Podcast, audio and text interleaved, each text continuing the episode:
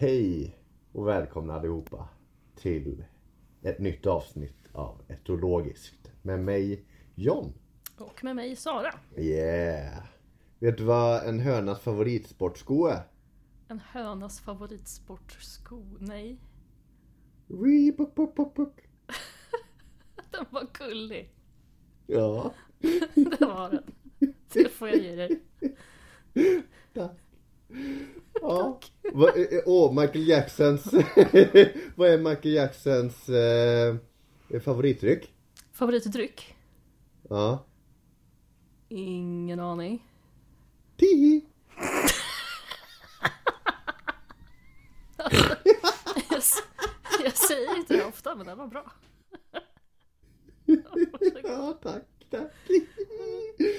Det var så bra. Och eh, hans favoritvintersport.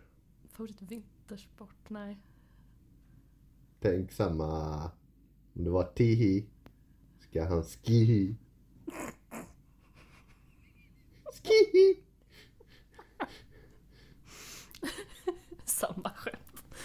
Åh, har du fler? Ja. Finns det fler? ja, det går la att få mer ordning på det. När han saknar, när han saknar internet, Michael Jackson. Wifi. Nej, vi... vi... Ja. Vad kul! Vad ska vi prata om idag? Eller ja, jag ska inte prata så mycket. Nu gör Nej. vi ett sånt där avsnitt igen där vi kör lite intro och lite outro tillsammans och så har du fått med dig en gäst. Jag har fått med mig en gäst. Det är en eh, gammal kollega till mig som jobbar som lärare på ett djurgymnasium. Kan man väl säga. Coolt. Ja, de har massa linjer, men de har djur också. ja. Eh, och hon ska presentera sitt exjobb som hon gjorde på Mm. hund, kortfattat. Eh, hon, läste sin, eh, hon har läst samma program som vi först eh, och sen gick hon Oh. master, i, master i Linköping. Ja. Så hon har gjort sitt exjobb om omplacerade hundar och om de knyter an till sina ägare Oh, på samma sätt och i samma utsträckning som eh, icke omplacerade hundar. spännande. Mm. Jo, men det, det var väldigt Det spännande. är väldigt intressant. Ja, ja kul. Yes. Varsågod, take it away Sara och Jenny. ja, Jenny. Ja. Precis.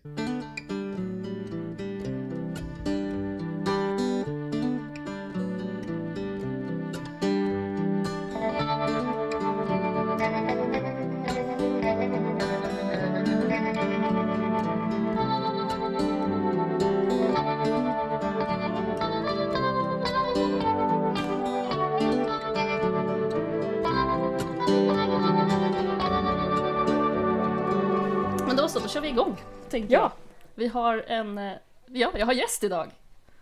Har jag. Mm. Ehm, och John kunde inte vara med oss och spela in, jag vet inte om han jobbar eller vad han gör. Men men, vi kör utan honom. Ehm, jag har med mig Jenny Löf, Hallå! en gammal, en gammal kollega faktiskt. Eller hur? Du, eh, ja, berätta lite om dig Ja, så precis som Sara sa så heter jag Jenny Löv eh, och jag och Sara träffades när Sara jobbade fortfarande som djurlärare. Och då började jag sen jobba som djurlärare. Eh, nu har ju Sara gått vidare men jag jobbar då kvar som en djurlärare. gått vidare i livet. Eh, men i, Det lät som jag hade ja. kommit till himlen. Som är minus 36, det hade jag inte föreställt mig att himlen skulle vara. Det är tur att det inte är för varmt i alla fall. Det hade varit värre.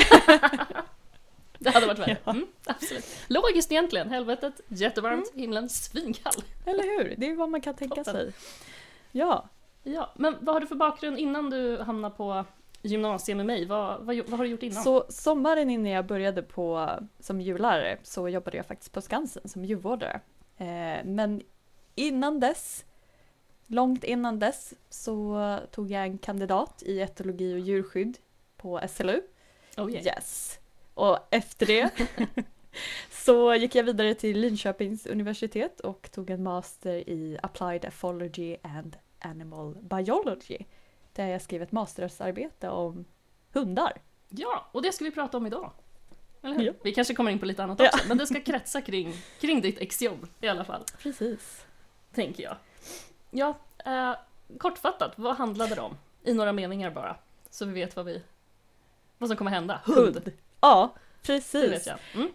Eh, och man kan säga att det börjar egentligen med att det var ju covid under de tiderna. Folk började skaffa fler hundar. Eh, och då Mm. väcktes ju också samtidigt en oro att om man skaffar hundar så kanske de sen kommer omplaceras när covid väl är Mm. över. Eh, så mitt... Ja, det blev väl så. Det blev ju faktiskt så. Eller hur? Ja, Ja, så mitt det exjobb... var väldigt förutseende Precis. Det var en profetia. Ja. Eh, Men så mitt exjobb det gick ut då på att kolla eh, vad som skiljer sig mellan omplacerade hundar och hundar som aldrig blivit omplacerade.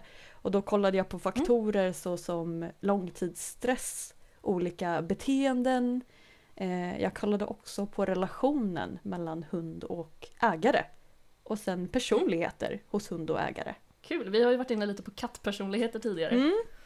Eh, och jag så- såg när jag läste ditt exjobb att det, många av de studierna vi pratade om, då hade de ju försökt göra om den här The Big Five Inventory till att passa katt. Ja. Ja. Eh, så de bytte ju ut någon kategori till något annat och sådär, men de hade utgått från det ändå i många av de testerna, i de lite nyare. Eh, men du använde den på människa Ja, då, den, alltså som den ska vara. precis. Hur, hur funkar den? Vad var det på katt? Då hade vi neuroticism, agreeableness, det här man aldrig kan uttala, conscientiousness. och consciousness. Conscientious Men Ja. hur såg det ut på, ja hur såg den ut på människa? Påminn oss.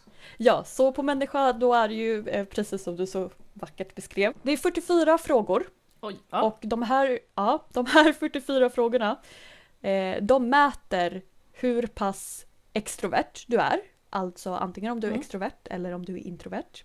Det mäter också någonting som heter agreeableness och det förklaras som Hur trevlig man är. Ja, precis hur trevlig man är. Sen så har vi conscientiousness. eh, och neuroticism som du nämnde. Och sen openness. Jag gjorde ju det här testet igår online. Ja, Alltså, jag hade, jag hade föreställt mig att så här, lite saker skulle ta ut varann. Så där, att man kanske inte både skulle vara jätteneurotisk och jätteextrovert eller så alltså, några, det fanns ju lite underkategorier, typ så här, ordningsam. Det, det var ju lågt. Men, men jag fick ju högt på allt. det är lite imponerande faktiskt. Vad säger det? Eh, det- det säger nog att du är ganska speciell jämfört med eh, medelpopulationen. För jag har liksom sett, om man ska tänka på den här att man pratar om int, alltså extrovert, introvert, att man egentligen är introvert men framstår som extrovert. Det har jag ju hört om. Ja, Men egentligen är det alltså så att jag är ganska extrovert men jag är också neurotisk. Det, det är alltså så det hänger ihop. det är en väldigt speciell kombo. Ja, Härligt. jag kände det också. Alltså man kan ju ta högt på allt. Ja, Ja, det är det- nog inte så jobbigt att vara jag som det låter men det såg väldigt jobbigt ut när jag såg resultaten. Det kan jag tänka Men okej, mig. då har alla då har alla hundägare som var med i studien fått göra det här testet då. Ja, precis. Ja. Eh, och det... Egentligen så säger, när man har gjort det här testet så säger det ju inte egentligen så mycket i sig för det är ju bara på en skala som Mm. det mäter. Eh, som till exempel openness, det som handlar om nya erfarenheter och eh, intellektuell stimulans. Om man bara får en siffra på det, då är det Mm. inte så mycket man kan göra med den. Nej. Så det man behöver göra är att sätta den i ett sammanhang. Mhm. Eh, och då finns det till exempel att man kan kolla på siffror eh, där det är medelvärdet för hur det ser ut för kvinnor, Mm. hur det ser ut för män, hur det ser ut i vissa yrkeskategorier. Eh, men för mig så var det ju mest intressant att jämföra mellan de här två grupperna jag hade. Mm. Den gruppen av människor som ha, hade en omplacerad hund och den gruppen som då hade en hund de köpt från en uppfödare. Mm. Eh, och det jag faktiskt kunde se i det här testet var att ägare som då ägde en omplacerad hund de fick högre poäng i den här agreeableness Mhm. som då är det här med att vara vänlig och trevlig jämfört med de hundägarna som ägde en hund från en uppfödare. Mhm. och det går ju också lite hand i hand med eh, ja, men att man kopplar vänlighet med adoptera som Mm. ofta ses som väldigt etiskt att göra. Mm. Så det var ju egentligen ganska logiskt att se. Mm. Intressant. Eh, men sen kunde... Ja, verkligen. Eh, och sen kunde jag ju också se att det fanns vissa som kom dit eh, och var hundägare och ägde en hund från en uppfödare. Mm. Men de hade tidigare haft en omplacerad hund. Mm. Och när jag räknade in alla, män- eller alla ägare som hade någon gång haft en omplacerad hund och jämförde dem med ägare som aldrig hade haft en omplacerad hund. Mm. Då såg man ingen skillnad Nähä. i, eh, i agreeableness mellan grupperna. Mm. Eh, och det kan ju bero på att de som sa att de hade haft en omplacerad hund i sitt liv, då vet man ju inte om det var de som hade tagit beslutet Nej, att adoptera en hund. Eller om de hade haft en adopterad hund när de växte upp. Eller om de var trevliga och blev skitstövlar sen. Ja! Exakt! De växte upp och insåg att världen inte är så kul. och sen så kan det ju också vara så att om man äger en, eh, om man har adopterat en hund, då kan det också vara att man känner sig kanske lite, man Ja, kanske känner sig lite bättre, känner sig lite vänligare. sant. Att man blir mer benägen att svara. Precis. För det tänkte jag också på. Egentligen skulle man ju behöva någon annan som känner en jätteväl som fyller i det här. Ja. Man är också så här, man är inte benägen att bara, nej jag skiter i andra. Alltså, det stämmer jättebra. Alltså, Ja men det precis. finns ju, man, man ska ha väldigt mycket, det är kanske det jag saknar, jag kanske bara totalt saknar självinsikt. ja, Men- det kan vara det. kan vara det. För jag tänkte det, vem svarar liksom ärligt, även för sig själv? Alltså nog för att man gör bara det här kanske, alltså gör man det online så gör man det verkligen bara för att se sina egna resultat. Ja. Men alltså kan man vara tillräckligt ärlig mot sig själv och bara, nej jag skiter i hemlösa. Alltså, ja men precis. även fast det bara är jag själv som ska höra det eller se det liksom, kan jag vara så ärlig Ja. mot mig själv? Och tänk dig då att Det- när man vet att det här ska vara med i en studie, det här resultatet ska presenteras. Vill jag låta som en skitstövel? Nja.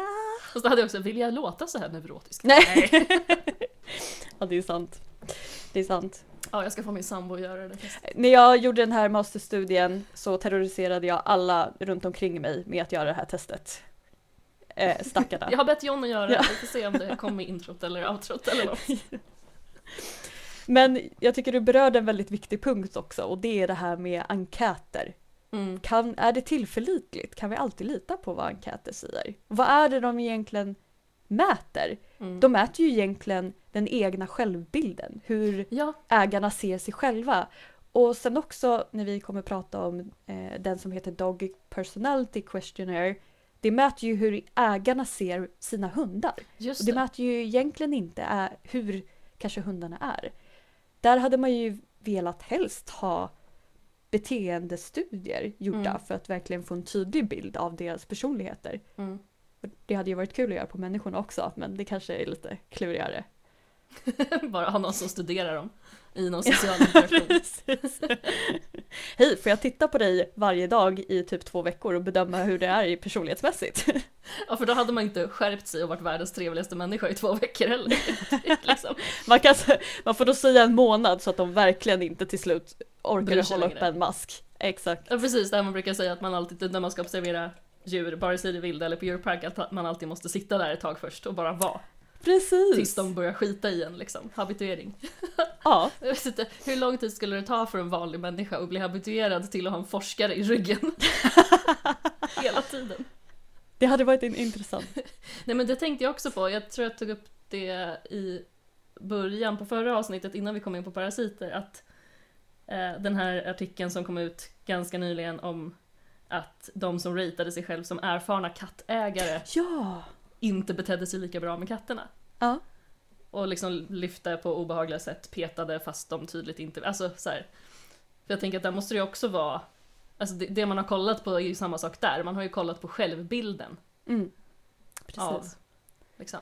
Och sen, högst ovetenskapligt så vill jag också slänga in att är det några som så här inte är riktigt lika mottagliga ofta för nya idéer och nya tankar, i alla fall i hästvärlden framförallt, så är det ju folk som ser sig själva som jätteerfarna. Mm. Ja, jag har haft häst i 40 år har man ju hört vissa säga. Men som inte heller har uppdaterat någon kunskap om häst ungefär på de där 40 åren. Så jag tänker det kan ju kanske vara samma sak med en gammal cat lady. Ja, faktiskt. Att såhär, ja jag läste en bok på 70-talet. och sen dess, så liksom, jag är jätteerfaren. Och så Ja. kommer det någon lite nyare, kanske osäker kattägare, men man har efterforskat lite och insett att ja, jag vet ju inte allt, nej jag ratear mig lite lägre. Alltså man har ju ingen aning. Nej, faktiskt. Det vore jätteintressant att se personlighetstyper då också på de här kattägarna som ratear Ja. sig så himla högt. Och se om Mm. hur är deras självbild egentligen? Är det så att de tänker att de är väldigt duktiga i andra eh, ämnen också? Ja, men det där tänker jag att egentligen att man borde haft någon så här, eh, alltså få titta på videos och så svara på hur är sinnesstämningen hos den här katten? Alltså och verkligen alltså, utvärdera dem hur väl ser de katt? Liksom. För det gjorde de ju uppenbarligen inte sen när de kladdade på dem. Nej. På helt fel sätt liksom. Ja. Nej men så det är också så här, ja erfarna kattägare, ja kattägare som ser sig själva som erfarna. Alltså ja, det är ju en personlighetstyp de också. Ja, verkligen. Så.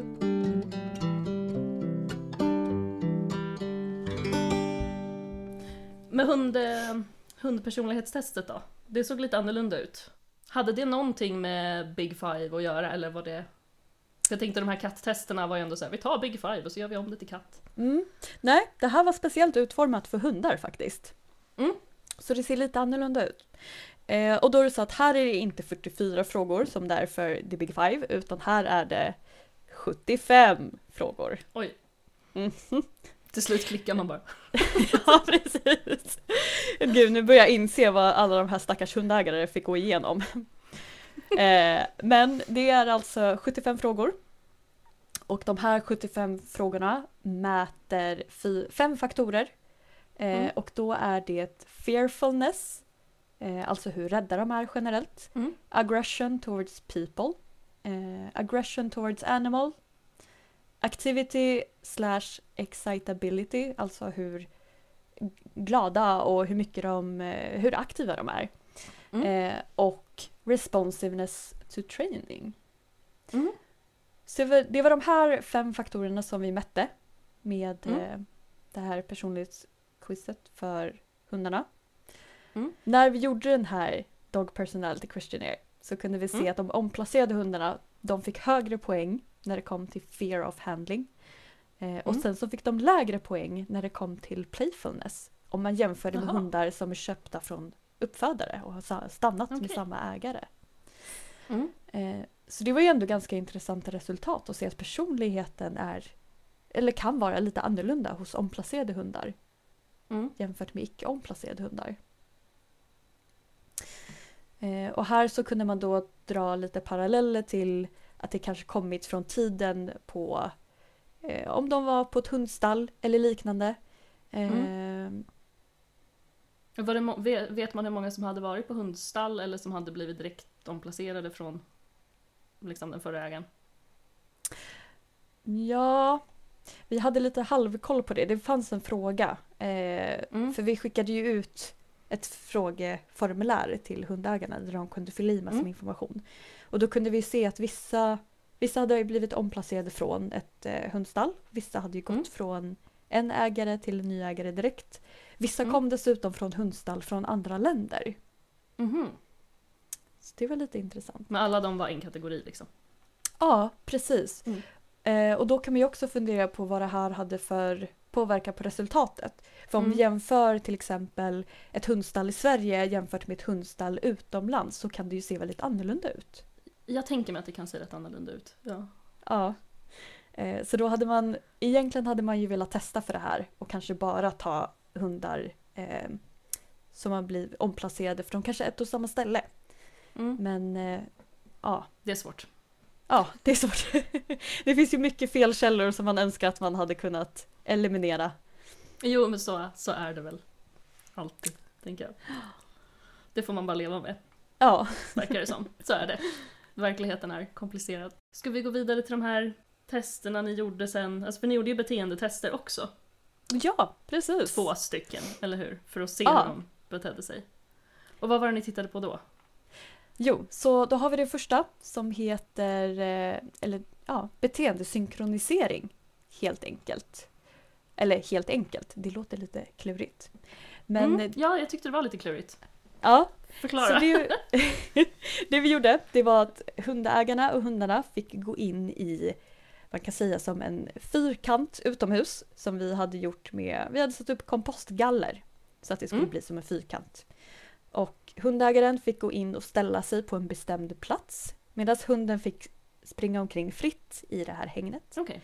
Sen så skulle hundägaren röra sig på ett speciellt sätt. Så den skulle, hundägaren skulle gå Ett speciellt sätt. Så chicken dance. Såg jag framför mig. Ja. Det hade varit väldigt intressant att mäta hundens reaktion på chicken dance. Finns det någon beteendesynkronisering? Börjar hunden också dansa chicken dance? Vad kan vi se? Det var det jag såg, så sig på ett speciellt sätt. Jag bara hur? hur? Ja, ja. Okej, men då skulle, de fick en instruktion hur de skulle gå helt enkelt. Ja, precis. Ja. Det var Eh, inte och då- gå så hjulbent som möjligt. gå. Mm. Exakt, ja. Eh, så de skulle gå en viss sträcka så skulle de stanna och sen skulle de gå och stanna och gå och stanna. Och så fick de gå Mm. i, ja men runt hängnet kan man säga. Eh, och det vi kollade på då, det var när ägaren stannade, stannade hunden. Mm. När ägaren gick, gick hunden. För då Okej. kan man ju se om det är en synkronisering mellan beteendena. Alltså om Mm. hunden gör samma sak som ägaren gör under samma tidpunkt. Är det lite som när man ser folk som är på dejt och börjar härma varandras kroppsspråk? Är det samma sak? ja, det var exakt det jag tänkte på, för det här är ju kopplat på något sätt till relation. Mm. Eh, så det var det vi kikade på. Och eh, det vi sen i slutändan kunde se var ju att det inte fanns någon skillnad. Både Okej. Hundar som kommer från uppfödare och har stannat med sin ägare under hela sin tid. De synkroniserade lika mycket med sin ägare när det kom till beteendet som omplacerade hundar gjorde med sin ägare. Mm. Det är jätte, jättespännande. Man tänker ju att det ska vara tvärtom. Eller Ja, ja, att det ska finnas en skillnad. ja men verkligen. Så det var ganska fint att se. Har man i tidigare studier testat det här? Jag antar att man har arbetat fram den här metoden, att det, liksom, att det är ett test. Liksom. Har man då i tidigare studier jämfört med främlingar? Typ. Eh, om man har gjort en beteendesynkronisering med främlingar och hundar. Jämfört med ägare, typ. Aha. Eh, Jag tänkte, hur kom det här testet till? Liksom? Måste, man måste ju ha sett att det fanns en skillnad mellan, tänkte just det. Ja, precis. Eh, jag. Om du minns något från någon av de studierna? det här var faktiskt inte, eh, inte med främlingar. Nej. Men det här testet kommer ju ifrån Duranton och Garnet, heter de. Mm. Eh, och då gjorde de det här testet för att se hur eh, hundar på hundhem synkroniserar med sina eh, caretakers. Mm. Och då kunde man se att det fanns en skillnad. Att de här omplacerade, eller de här hundarna på hundhemmet, de synkroniserade mindre med caretakers jämfört med vanliga hundar som hade en, hund, en ägare. Ja, Okej. Okej, så då att de inte hade riktigt lika starkt band då? Som...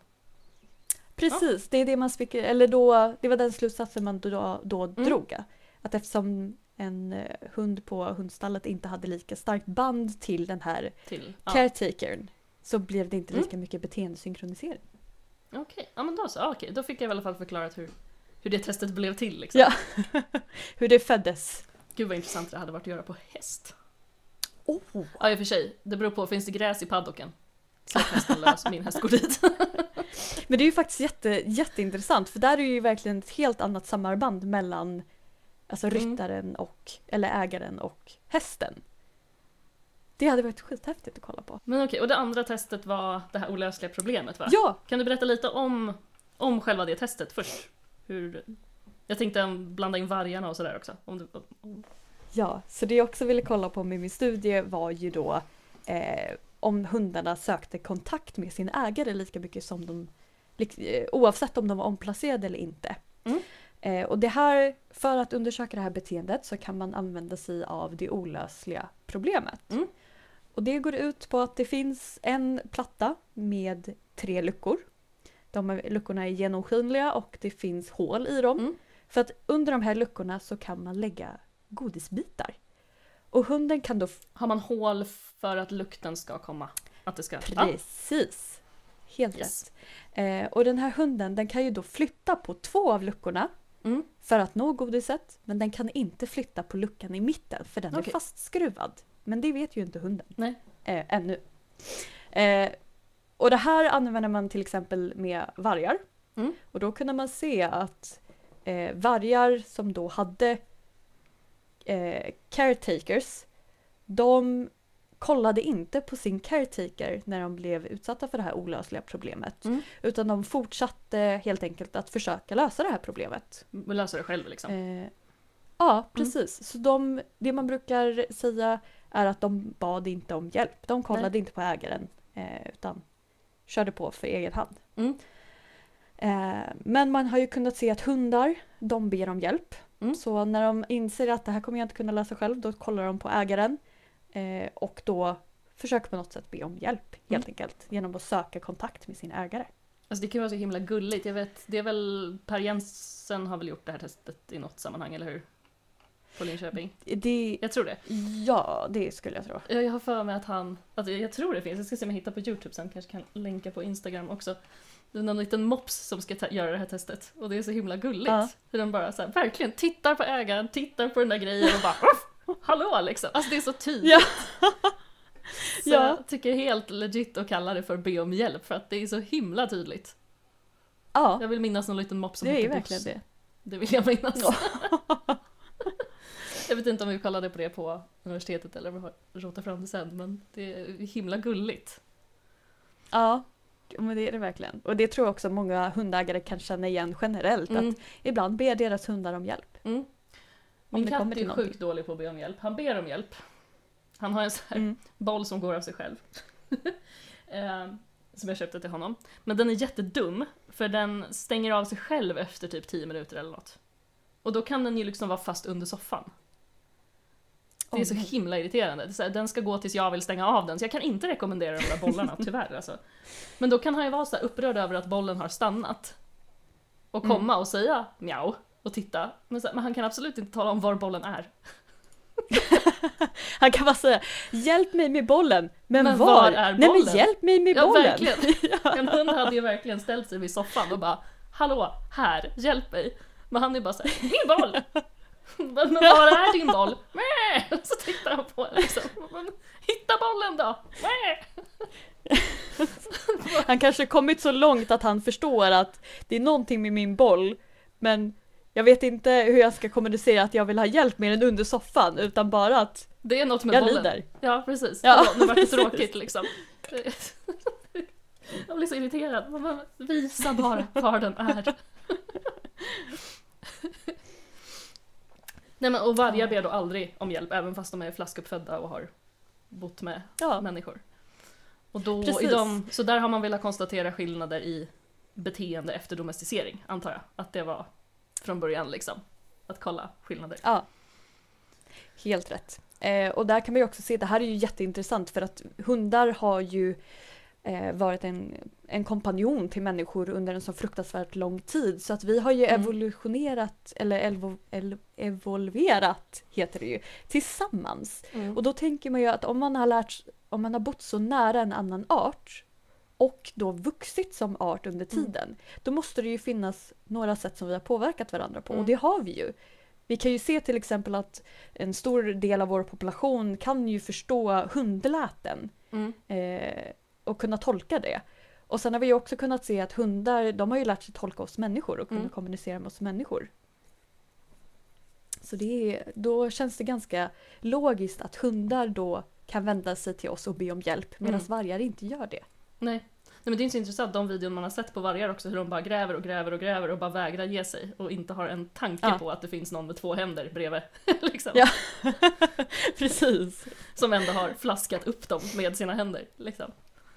Man tycker Ja. ju, annars brukar man ju alltid, det, det finns väl andra beteendetest som ändå har visat att vargar ser kopplingar, alltså att de har ett mer logiskt tänkande än hund. Att hund lite har fått ge upp den Mm. intelligensen. Jag tror... Det hade inte förvånat mig. Nej, men jag kan försöka hitta, det var också något som Per Jensen tog upp tror jag. Att man hade Ja. liksom, ja men om det var någon mat eller leksak eller någonting som sitter fast liksom i ett snöre. Som de måste dra i snöret för att komma åt. Att vargen fattar det, alltså kopplingen hur någonting fysiskt hänger ihop med något annat. Mm. Men hundarna gjorde inte det. Men då har de ju istället dra i snöret åt, där är maten, ge mig. alltså, Det känns ju ganska logiskt för att det är inte som att vi har haft som avelsmål med hundarna att de ska bli sär- nej. särskilt intelligenta för många av eh, raserna som vi har just nu. Nej men där, alltså där är, det är väl hela den här pedomorfism-grejen också som låter så äckligt men det alltså att Ja. det låter ju som pedofili rakt av. Men pedomorfism. Ja. Nej men att de är mer barnsliga till beteende och allting också. Att det kanske har någonting med det att göra. ja, precis. Att de har lite nästan som att de har stannat i mognaden. Ja men precis, som en axolotl. Ja. Axolotl. Axolotl.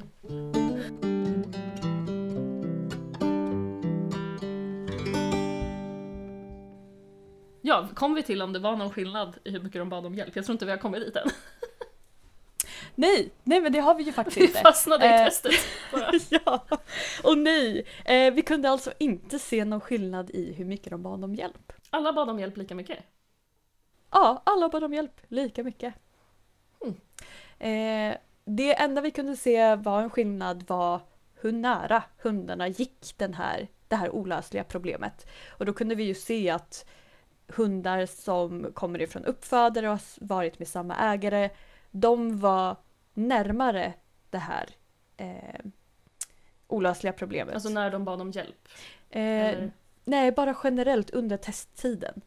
Ja okej, för jag tänker de måste ju ändå vara närmre för att äta upp den. Då måste de ju vara direkt på. Alltså när de äter dem öppna. Ja, Men då är det liksom medelavståndet under hela tiden de var där inne.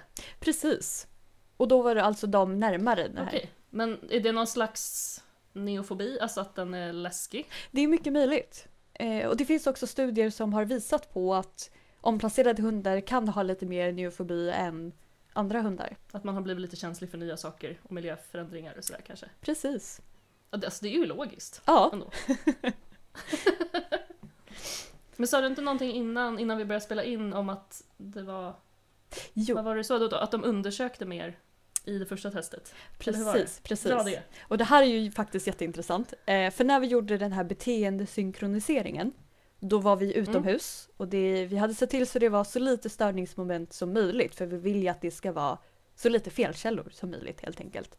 Mm. Och då kunde vi se att omplacerade hundar, eh, det var inte riktigt signifikant eh, för att det var ju 0,053. Det var nära signifikant att omplacerade Mm. hundar undersökte mer när de var ute och gjorde den här beteendesynkroniseringen.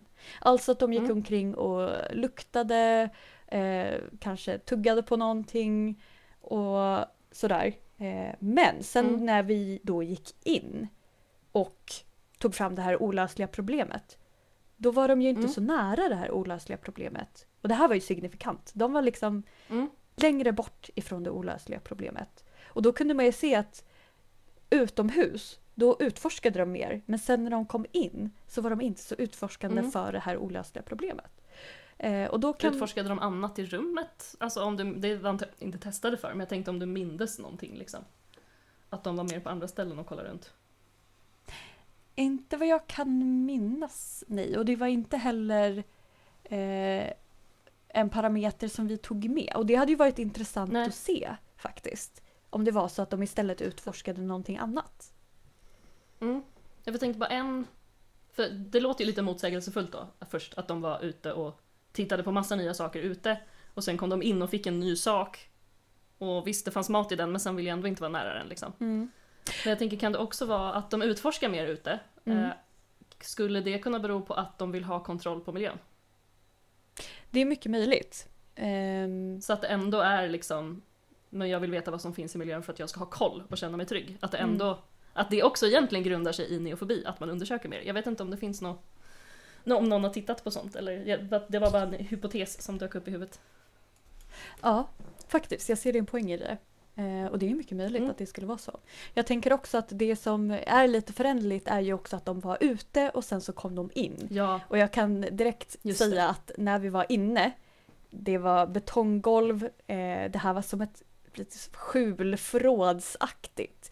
Eh, och det var kompostgaller och det, kompostgaller är ju inte alla hundar som tycker det är det roligaste kan man säga.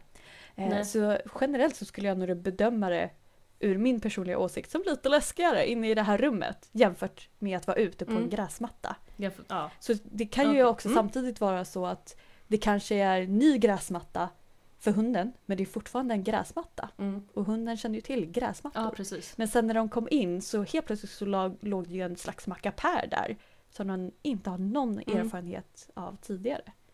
Det kan ju också vara Mm. en anledning till det här resultatet som var lite motsägelsefullt. Ja, Spännande, när man vänder på det och så här, kan det vara så här? Kan det så här? Verkligen!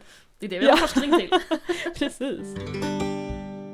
Så något annat intressant med den här studien var att jag också kollade på långtidsstress och relationen mellan hund Mm. och ägare.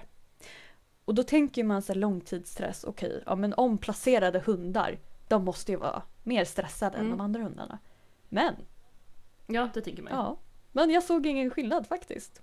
I långtidsstress så Okej. var det ingen skillnad. Eh, och då hade vi ju mätt eh, stresshormonet kortisol i hundarnas päls. Mm. Okej, kan man ta, då tar man alltså ett hårstrå typ och kollar Precis, för att så man kan få under det här hårstråts levnad eller vad man ska säga. Kan man, kan man liksom se olika lager? då? exakt. Att säga, oj, här var den skitstressad för två veckor sedan. Ja, typ. det är precis så. Kortisolet byggs ju in i hårstrået. Visst är det häftigt? Eh, så jag Mm, vet, min handledare eh, som hjälpte mig med det här eh, exjobbet, Lina Roth, har jätteintressant forskning kring det här. Och då har han bland annat kollat på sambandet med hårkortisolkoncentrationer hos ägare och hundar. Och har då kunnat se ett samband med Mhm. stressade ägare har stressade hundar. Gud vad Ja, spännande. Eller hur? Alltså också Ja. logiskt, speciellt med, alltså med tanke på beteendes, alltså att man är så nära. Precis.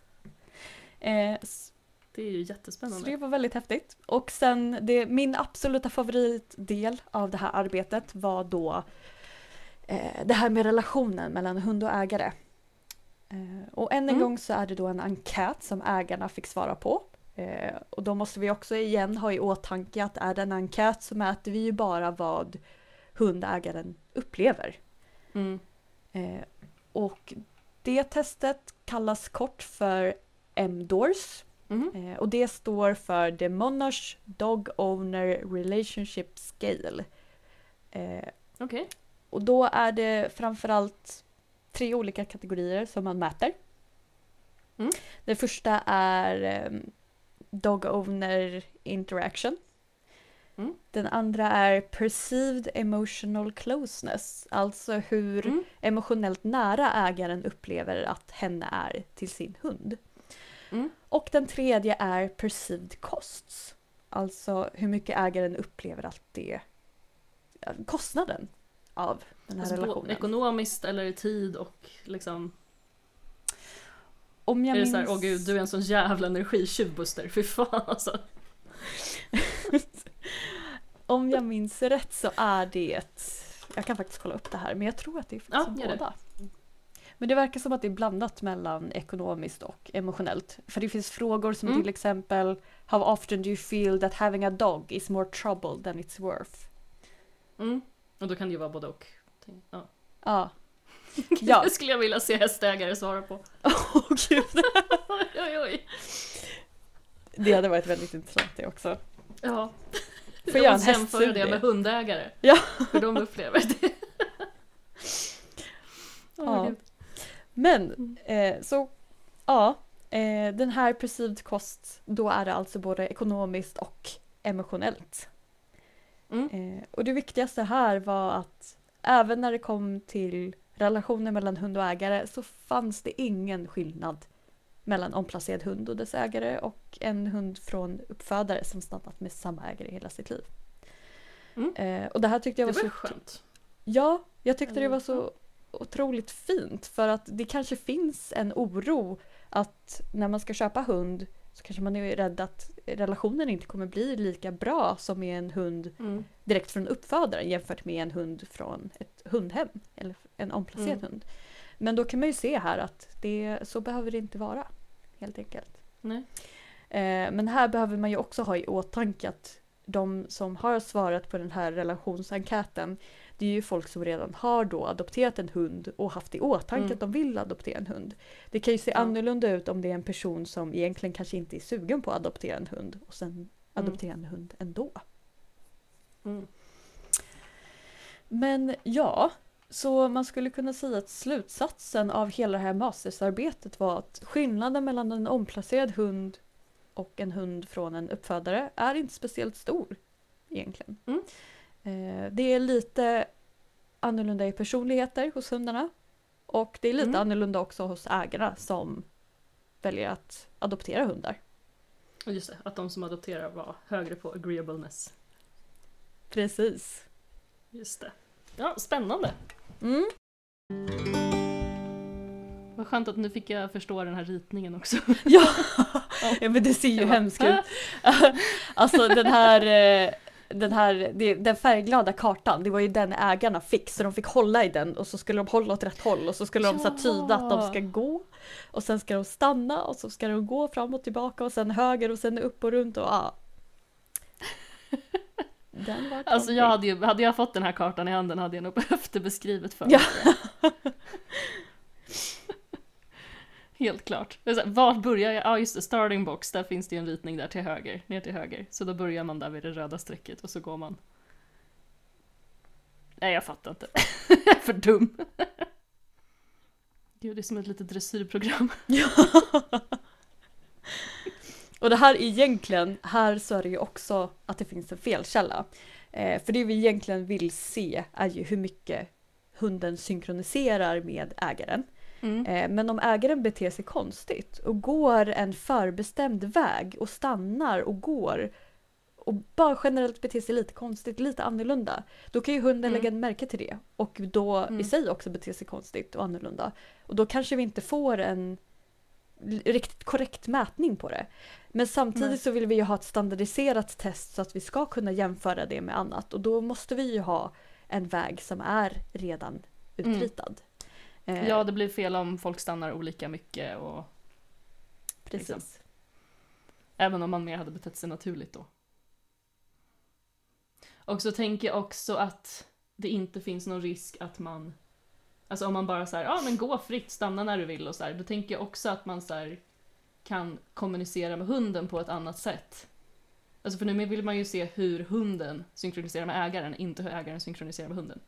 Precis. Hade de fått gå fritt så kan jag tänka mig att man också hade kunnat liksom skicka mer signaler till hunden beroende på hur hunden beter sig. Att liksom, ah, nej, men nu börjar han stanna och så stannar jag. Ja. Typ. Så Ja, det kommer man ju också ifrån, att ägaren synkroniserar. ja, helt rätt. Det, det har jag inte ens tänkt på, men det har du verkligen en poäng i. Eh, och det påminner mig också om att vi sa ju eh, också det här med att de fick inte kommunicera med hunden verbalt för att det är Nej. ju lätt att det var ju några som råkade göra det ändå och då fick man säga okej, nej det går inte riktigt för då blir det ju, ja precis, då påverkar det ju resultatet. Eh, så det blir Ja. inte alls bra. Men det var, ja, alltså det här jobbet var, det här exjobbet var skitkul att göra faktiskt. Ja, det kan jag tänka mig. Ja. Träffa mycket. Fick du, du träffade alla hundägare också då? Du Ja. var liksom med och... Men var det här liksom någon del av någon större, alltså blev det någon vetenskaplig studie också? Någon större liksom... Eh, Jag blev kontaktad det- av min handledare nu för ett tag sedan och hon håller på att försöka få det här publicerat. Mm. Så eh, vi får... Kul, hoppas! Ja, verkligen. Det hade varit jätte, jättekul. Eh, Så jag håller tummarna. Så jag håller utkik och ser om hon hör av sig något mer. Jag tänker att det är alltid svårare säkert när man inte har några så här jättesignifikanta resultat att visa upp utan det är här, det är absolut ingen skillnad, det är en svår rubrik. Ja, det är ju det och det sa också mina handledare. Eh, så jag försökte få med det i texten också att det är ju ett resultat med Ja, ett det är ju ett inte-resultat. jättebra resultat. Visst är Och det är ju det! ett resultat, att det Ja. är ingen skillnad. Så ja, Nej. du, får en lika, du kan få en lika bra kontakt med en hund även om du adopterar den. Exakt, men det är ju Liksom, inte Det slår ju lika... ändå hål på, men alltså fråga SVT liksom, alltså om de, eller så här, illustrerad vetenskap, alltså de är ju bra på att göra rubriker av ingenting. Mm. Eh, jag re- jag blev så, så jävla irriterad på en eh, illustrerad vetenskap-artikel. Den var, det här är absolut inte mitt ämne för det här var astronomi. Eller så planetbildning, hur planeter bildas. Ja. Och så har de så här, i rubriken typ så här. Eh, nya, den här planeten krossar gammal forskning, typ, eller något så här skittöntigt. Och så klickade man på länken, jag betalar ju inte för deras skittidning, eh, men man kunde ändå läsa typ halva artikeln. Och då var det ju ändå så här, mm, och det finns en forskargrupp som har eh, haft den här hypotesen i tio år och den här planeten bekräftar ju den hypotesen. Men, men, men ni sa i rubriken att all forskning nu var krossad kring det här. Det är ju en hypotes, en forskargrupps hypotes som nu istället är bekräftad. Ja. Alltså, så jag tänker att de frågar någon där om rubriksättning som blir sensationell. De kommer kunna hitta på något skit. Det tror jag garanterat. Nej men det är väl en jättebra rubrik. Så här, adopterade hundar och deras ägare har en lika bra relation. Det är väl jättebra. Alltså, Ja. Faktiskt. Bättre än så fort man börjar med inga skillnader. Så bara, nej okej. Ja, nej precis. Men det är ju synd att det inte är, det är ja det är synd. För jag vet att det ibland, det är så konstigt uttryckt, men ibland så pratar man ju om vad som är sexigt i forskarvärlden och då är det Ja. ju inte sexigt med ingen statistisk signifikans. Det är ju det Nej, man men sam- ofta strävar jag efter. tycker... Ja, men i det här fallet är det ju ändå så här, skitbra. Ja precis, det är ju det här vi Det vill var ju se. det man, precis det är det man vill se. Att det finns Ja. en lika, att de mår lika bra och har lika bra relation till sina ägare. Det är ju toppen. Ja. Alltså, välfärdsmässigt för djuren är ju det här resultatet bra mycket bättre om man nu vill få folk att adoptera än Adopterade hundar har mycket sämre relation till sina ägare. Det är inte en bra rubrik. Alltså det är en bra rubrik. men det, ja, men det är inte så bra för samhället. Med jag ska, överfulla ska hundar. döpa avsnittet till det. Ingen skillnad mellan den sämsta. Ja, precis. Noll! Nej men nu måste vi nu måste vi komma på en avsnittsrubrik som är sexig. Ja, men just det. Ehm, Ja, nej men absolut det där med sexig rubrik. Ja men vi får komma på något. Det är alltid svårt med.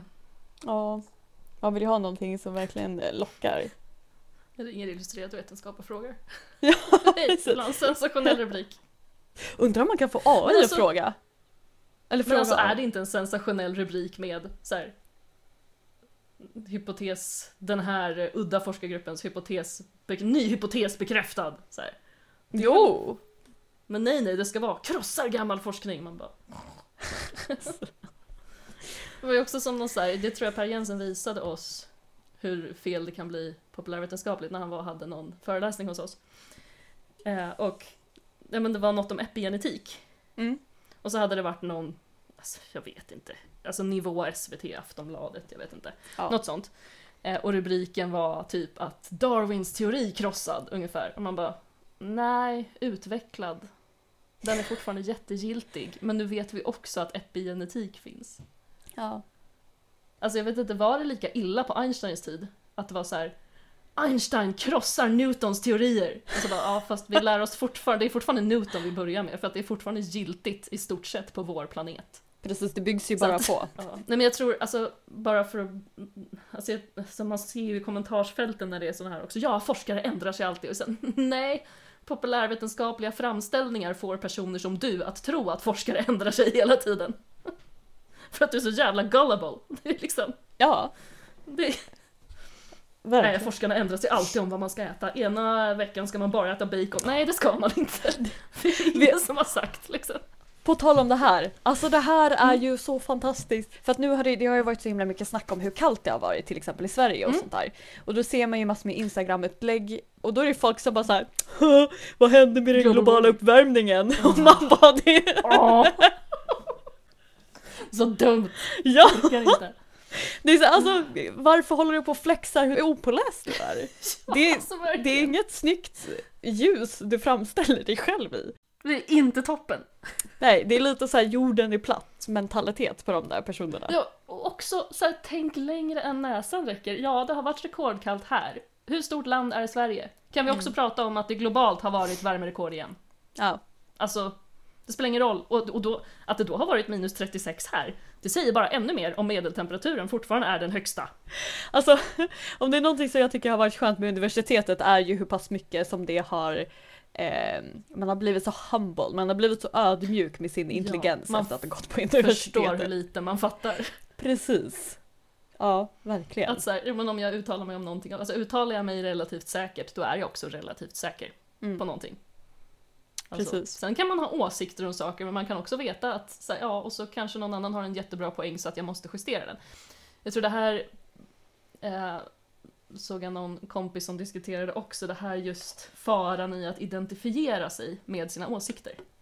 Mm. Att om någon angriper dina åsikter och du liksom har byggt din persona kring vad du tycker, så tar du det som ett personligt påhopp Ja, om någon ifrågasätter din världsbild. Liksom. Eller så, ja, men kan man inte tänka så här också? Och då blir det ett påhopp på dig själv. Istället för att, ja men jag är jag och åsikter är föränderliga i ljuset av ny kunskap. Liksom. Ja, där har du faktiskt en poäng. För att jag kan ändå känna att mycket av mina åsikter som jag har är på ett sätt en stor del av min personlighet. Eh, Mm. För när det kommer till, ja men till exempel min veganism, det är ju egentligen framförallt åsikter som jag har. Eh, blandat också såklart med den kunskapen jag har ute, Mm. efter de här åren på universitet. Eh, och sen så, alltså egentligen, jag tycker det är lite kul med veganskämt. Om det kommer från ett gott ställe liksom, så är det roligt. för att man vet ju att det är liksom, den här personen säger inte det här för att provocera mig, utan det säger ju det för att det är kul. Liksom. Eh, Har du något på lager? Alltså jag, jag brukar själv skämta om att så här, om man ska klippa gräset så kan man hyra in mig istället. Ja. Eh, jag kommer inte ihåg några veganskämt nu men jag vet att det är, jag har ju hört några i min livstid. Och vissa är faktiskt riktigt roliga. Alltså jag har inte hört så många, men alltså man får det med till sig när man är vegan. Alltså det är Ja. lite som att vara hästtjej och få massa dåliga hästskämt slängda över sig. Ja, det kan jag jag. tänka mig. Ja. Eller vara hästtjej och försöka nätdejta. Det finns en jätterolig grupp på Facebook som jag starkt kan rekommendera. Ja. Eh, där folk bara delar konversationer i stil med I know something else you can ride. Och det heter också gruppen. Det är skitroligt! så jävla många bara på så här, typ, andra meddelandet man skickar så bara You can ride me. Man bara fattar du att det där är en sexuell invit? Fattar du att man inte gör det när man har skickat två meningar till varandra? liksom, det är så jävla dumt. Ja men ska vi, ska vi avrunda? ja, det kan vi göra. Nu vart det en lite filosofisk forskningsdiskussion på slutet också, men det är kul. Ja, Eh, nej men tack så jättemycket för att du var med, det var jättekul. tack själv. Vi har haft väldigt intressanta diskussioner. Ja, du får säga till om det är något annat du har som du har tänkt på, som du vill prata om. Du är ändå djurlärare. Fan vad Du kul! får, du, får, du får vara hur återkommande du vill. Det går Ja! jättebra. För att jag känner, alltså det här kan jag ibland sakna med att man så här nördar ner sig i djur Mm. med någon annan på den här forskningsnivån eller på den här Ja, vetenskapliga det är nivån. lite segt att stå och prata om omnivorer, karnivorer och herbivorer för 51 gången inför en ny årskurs 1. Ja. Bara för att säga en sån sak som p-värde. Det är liksom, ja! Och signifikans, alltså ja. Jättekul. Jag hoppas, ni, hoppas ni verkligen att ni blir publicerade. Det, det vore ballt. Ja. Nej men tusen tack och eh, hälsa mina gamla elever för den delen. Måste Ja, det ska jag göra. Det ska jag Det verkligen tycker jag. göra. Ja. Eh, nej men då hoppar vi tillbaks till mig och John då, antar jag. Jättetack. Vi hörs. Det Ja. gör vi. Visst hade du gjort personlighetstestet också? Oh ja, det har jag gjort. Mm. Jag har gjort Ja. ett test. Kul. Eh, det här Big, Det var eh, jättekul. big The Five. Big Five. Ja. Det var jättesvårt.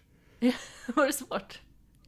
Ja men alltså det var så här bara, vad tänker man om sig själv? Var varken bra eller dåligt eller Mm. stämmer ganska bra och... Ja, Men eller hur, det, vi, det jag och Jenny pratade lite om, att vem, vem vill säga att man inte bryr sig om andra? Liksom. Nej, precis. Nej men alltså det är jättekul och det, alltså de här staplarna. Jag uppmanar andra att göra det här testet också verkligen. Mm. Ni- Hamnade ja, du precis är som jag, att du blev liksom, alltså de huvudkategorierna, att alla blev höga? Liksom. Ja. Det skulle jag nog säga. Och det var också en väldigt intensiv personlighet då. Ja, Eller vad? oh ja. För jag hade Ja, ju vad lite lågt det? på några underkategorier, typ så här ordningsam och så. Det kanske du Ja, också jo, hade. same. Säg det. Ja, hade jag verkligen. Men på det stora hela, haj på allting du också alltså. Ja. Mm. Fasen vad många höga jag hade faktiskt. Det, det får en att tänka lite. Men alltså, sen beror det Men eh, en del frågor var ju svåra att svara på liksom. Eftersom det beror på. Vill man ju säga. På vissa Mm. Ja. frågor liksom. Men Eller det är ju Men det Det var ändå bra sammanfattat. Mm. Jag, jag fick min högsta och det jag fick och det. Jag kommer inte säga alla så att folk tror att jag är någon galen person. Det är jag ändå. Men vad, vad var det för grunt? Du såg min blick också. Mm. Ja, jag såg din blick också. Yeah. Bara lite mycket. Nej, men eh, ag- agreeableness fick jag väldigt högt på. Ja, det tycker jag stämmer. Eh, ja, Mm. Du bör rimligen få högre än jag faktiskt. ja. Precis. Nej men agreeableness eh, tyckte jag var eh, bra ändå liksom. Och alla får vara med liksom och att alla ska vara hörda liksom och så också lite. Mm. Tillhör det, ja precis. Kul. Men eh, en bra sak som Jenny kom fram till i alla fall. Ja. Det var ju det här att det inte var någon större skillnad i anknytning Nej. mellan eh, adopterade hundar, eller omplacerade hundar och icke omplacerade hundar. Ja. Det är skönt. Ja, eller hur? Ja men det är jättekul och det att det inte är någon stor skillnad liksom Mm. så att det funkar för det mesta liksom. Ja men alltså jag tycker det var jättekul. Alltså eh, jag hade högt i så excitement seeking Mm. Jaha. och cheer, cheerfulness var jag också så. Ja, jo det köper jag också. Ja. och så här, gregariousness. Mm. Gregarious people find the company of others pleasantly stimulating and rewarding. Ja, Okej, jag hade inte jättehög i det liksom. Jag tycker det är kul att prata med folk så här liksom på distans. När vi sitter så här men inte allt för med folk. Nej, jag håller med.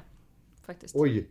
Eh, här nere var eh, alla högsta staplar Morality, Altruism, Cooperation, Modesty, Sympathy, Sympathy. Allt det där också bara poff! Det låter jobbigt att vara du. Eh, Fast det är också ganska trevligt. Ja, det låter ganska... Du ska, jag vill inte säga hur högt det var och lågt det var på dem. eh, ja. Nej då. Nej då. Men det är jättekul. Eh, Nej men och Jenny var ju Jo. ganska pepp på att vara med och prata om Ja. andra saker. Så det var kul. Hon tyckte det var jättekul att podda. Ja. Och det var skitkul att podda med henne Ja. också. Så Eller jag hur? tycker att vi satsar på att bjuda in henne mer. Ja, det tycker jag absolut. Hoppas att hon vill det. Innan vi avslutar detta avsnittet så måste jag visa en sak jag har fått från mitt ex nu i Okej. eh, veckan. I tidig födelsedagspresent. Jag Okej. fattar inte om det är en pik eller någonting. Men eh, med tanke på det här testet så eh, en sekund bara så ska jag hämta det. Mm. Okej. Jävla skit. Jag- eh, Alldeles strax. Jo, ja, jag väntar. Ja, nu hittar jag den. Nu ska vi se. Mm. Nu får Sara vänta ett tag mellan eh, jag letar här. Vi ska klippa lite. Ja, den här boken fick jag i tidig födelsedagspresent. Kan du se, se vad det står? Alla får ligga boken. Ja, precis! Den här. Jag är ganska vet- säker på att eh, Simon, alltså min och Rebeckas kompis Simon, som mobbar dig Ja. röda pandor. Jag är ganska säker på att han har läst den boken. Ja, ja, precis. Men eh, jag vet inte om detta är en pik eller någonting. Jag ska läsa den, se vad som händer. Men eh, om ni får den av ditt ex, vad betyder det? Det är en fråga till nästa gång. Säg, svara. jag vet inte. Om någon vill förklara för John vad det här betyder så skriv på Instagram. Ja, gärna. Etologiskt understreck podd. Ja, Hjälp jättebra. Hashtag hjälp John. Ska vi runda av med det då? ja, Ja, så, jättebra. vet vi, så får vi också se om John får ligga. Det, Nej, det behöver vi inte. Det behöver vi inte. Vi, vi kan lämna det där i alla fall. Ta det.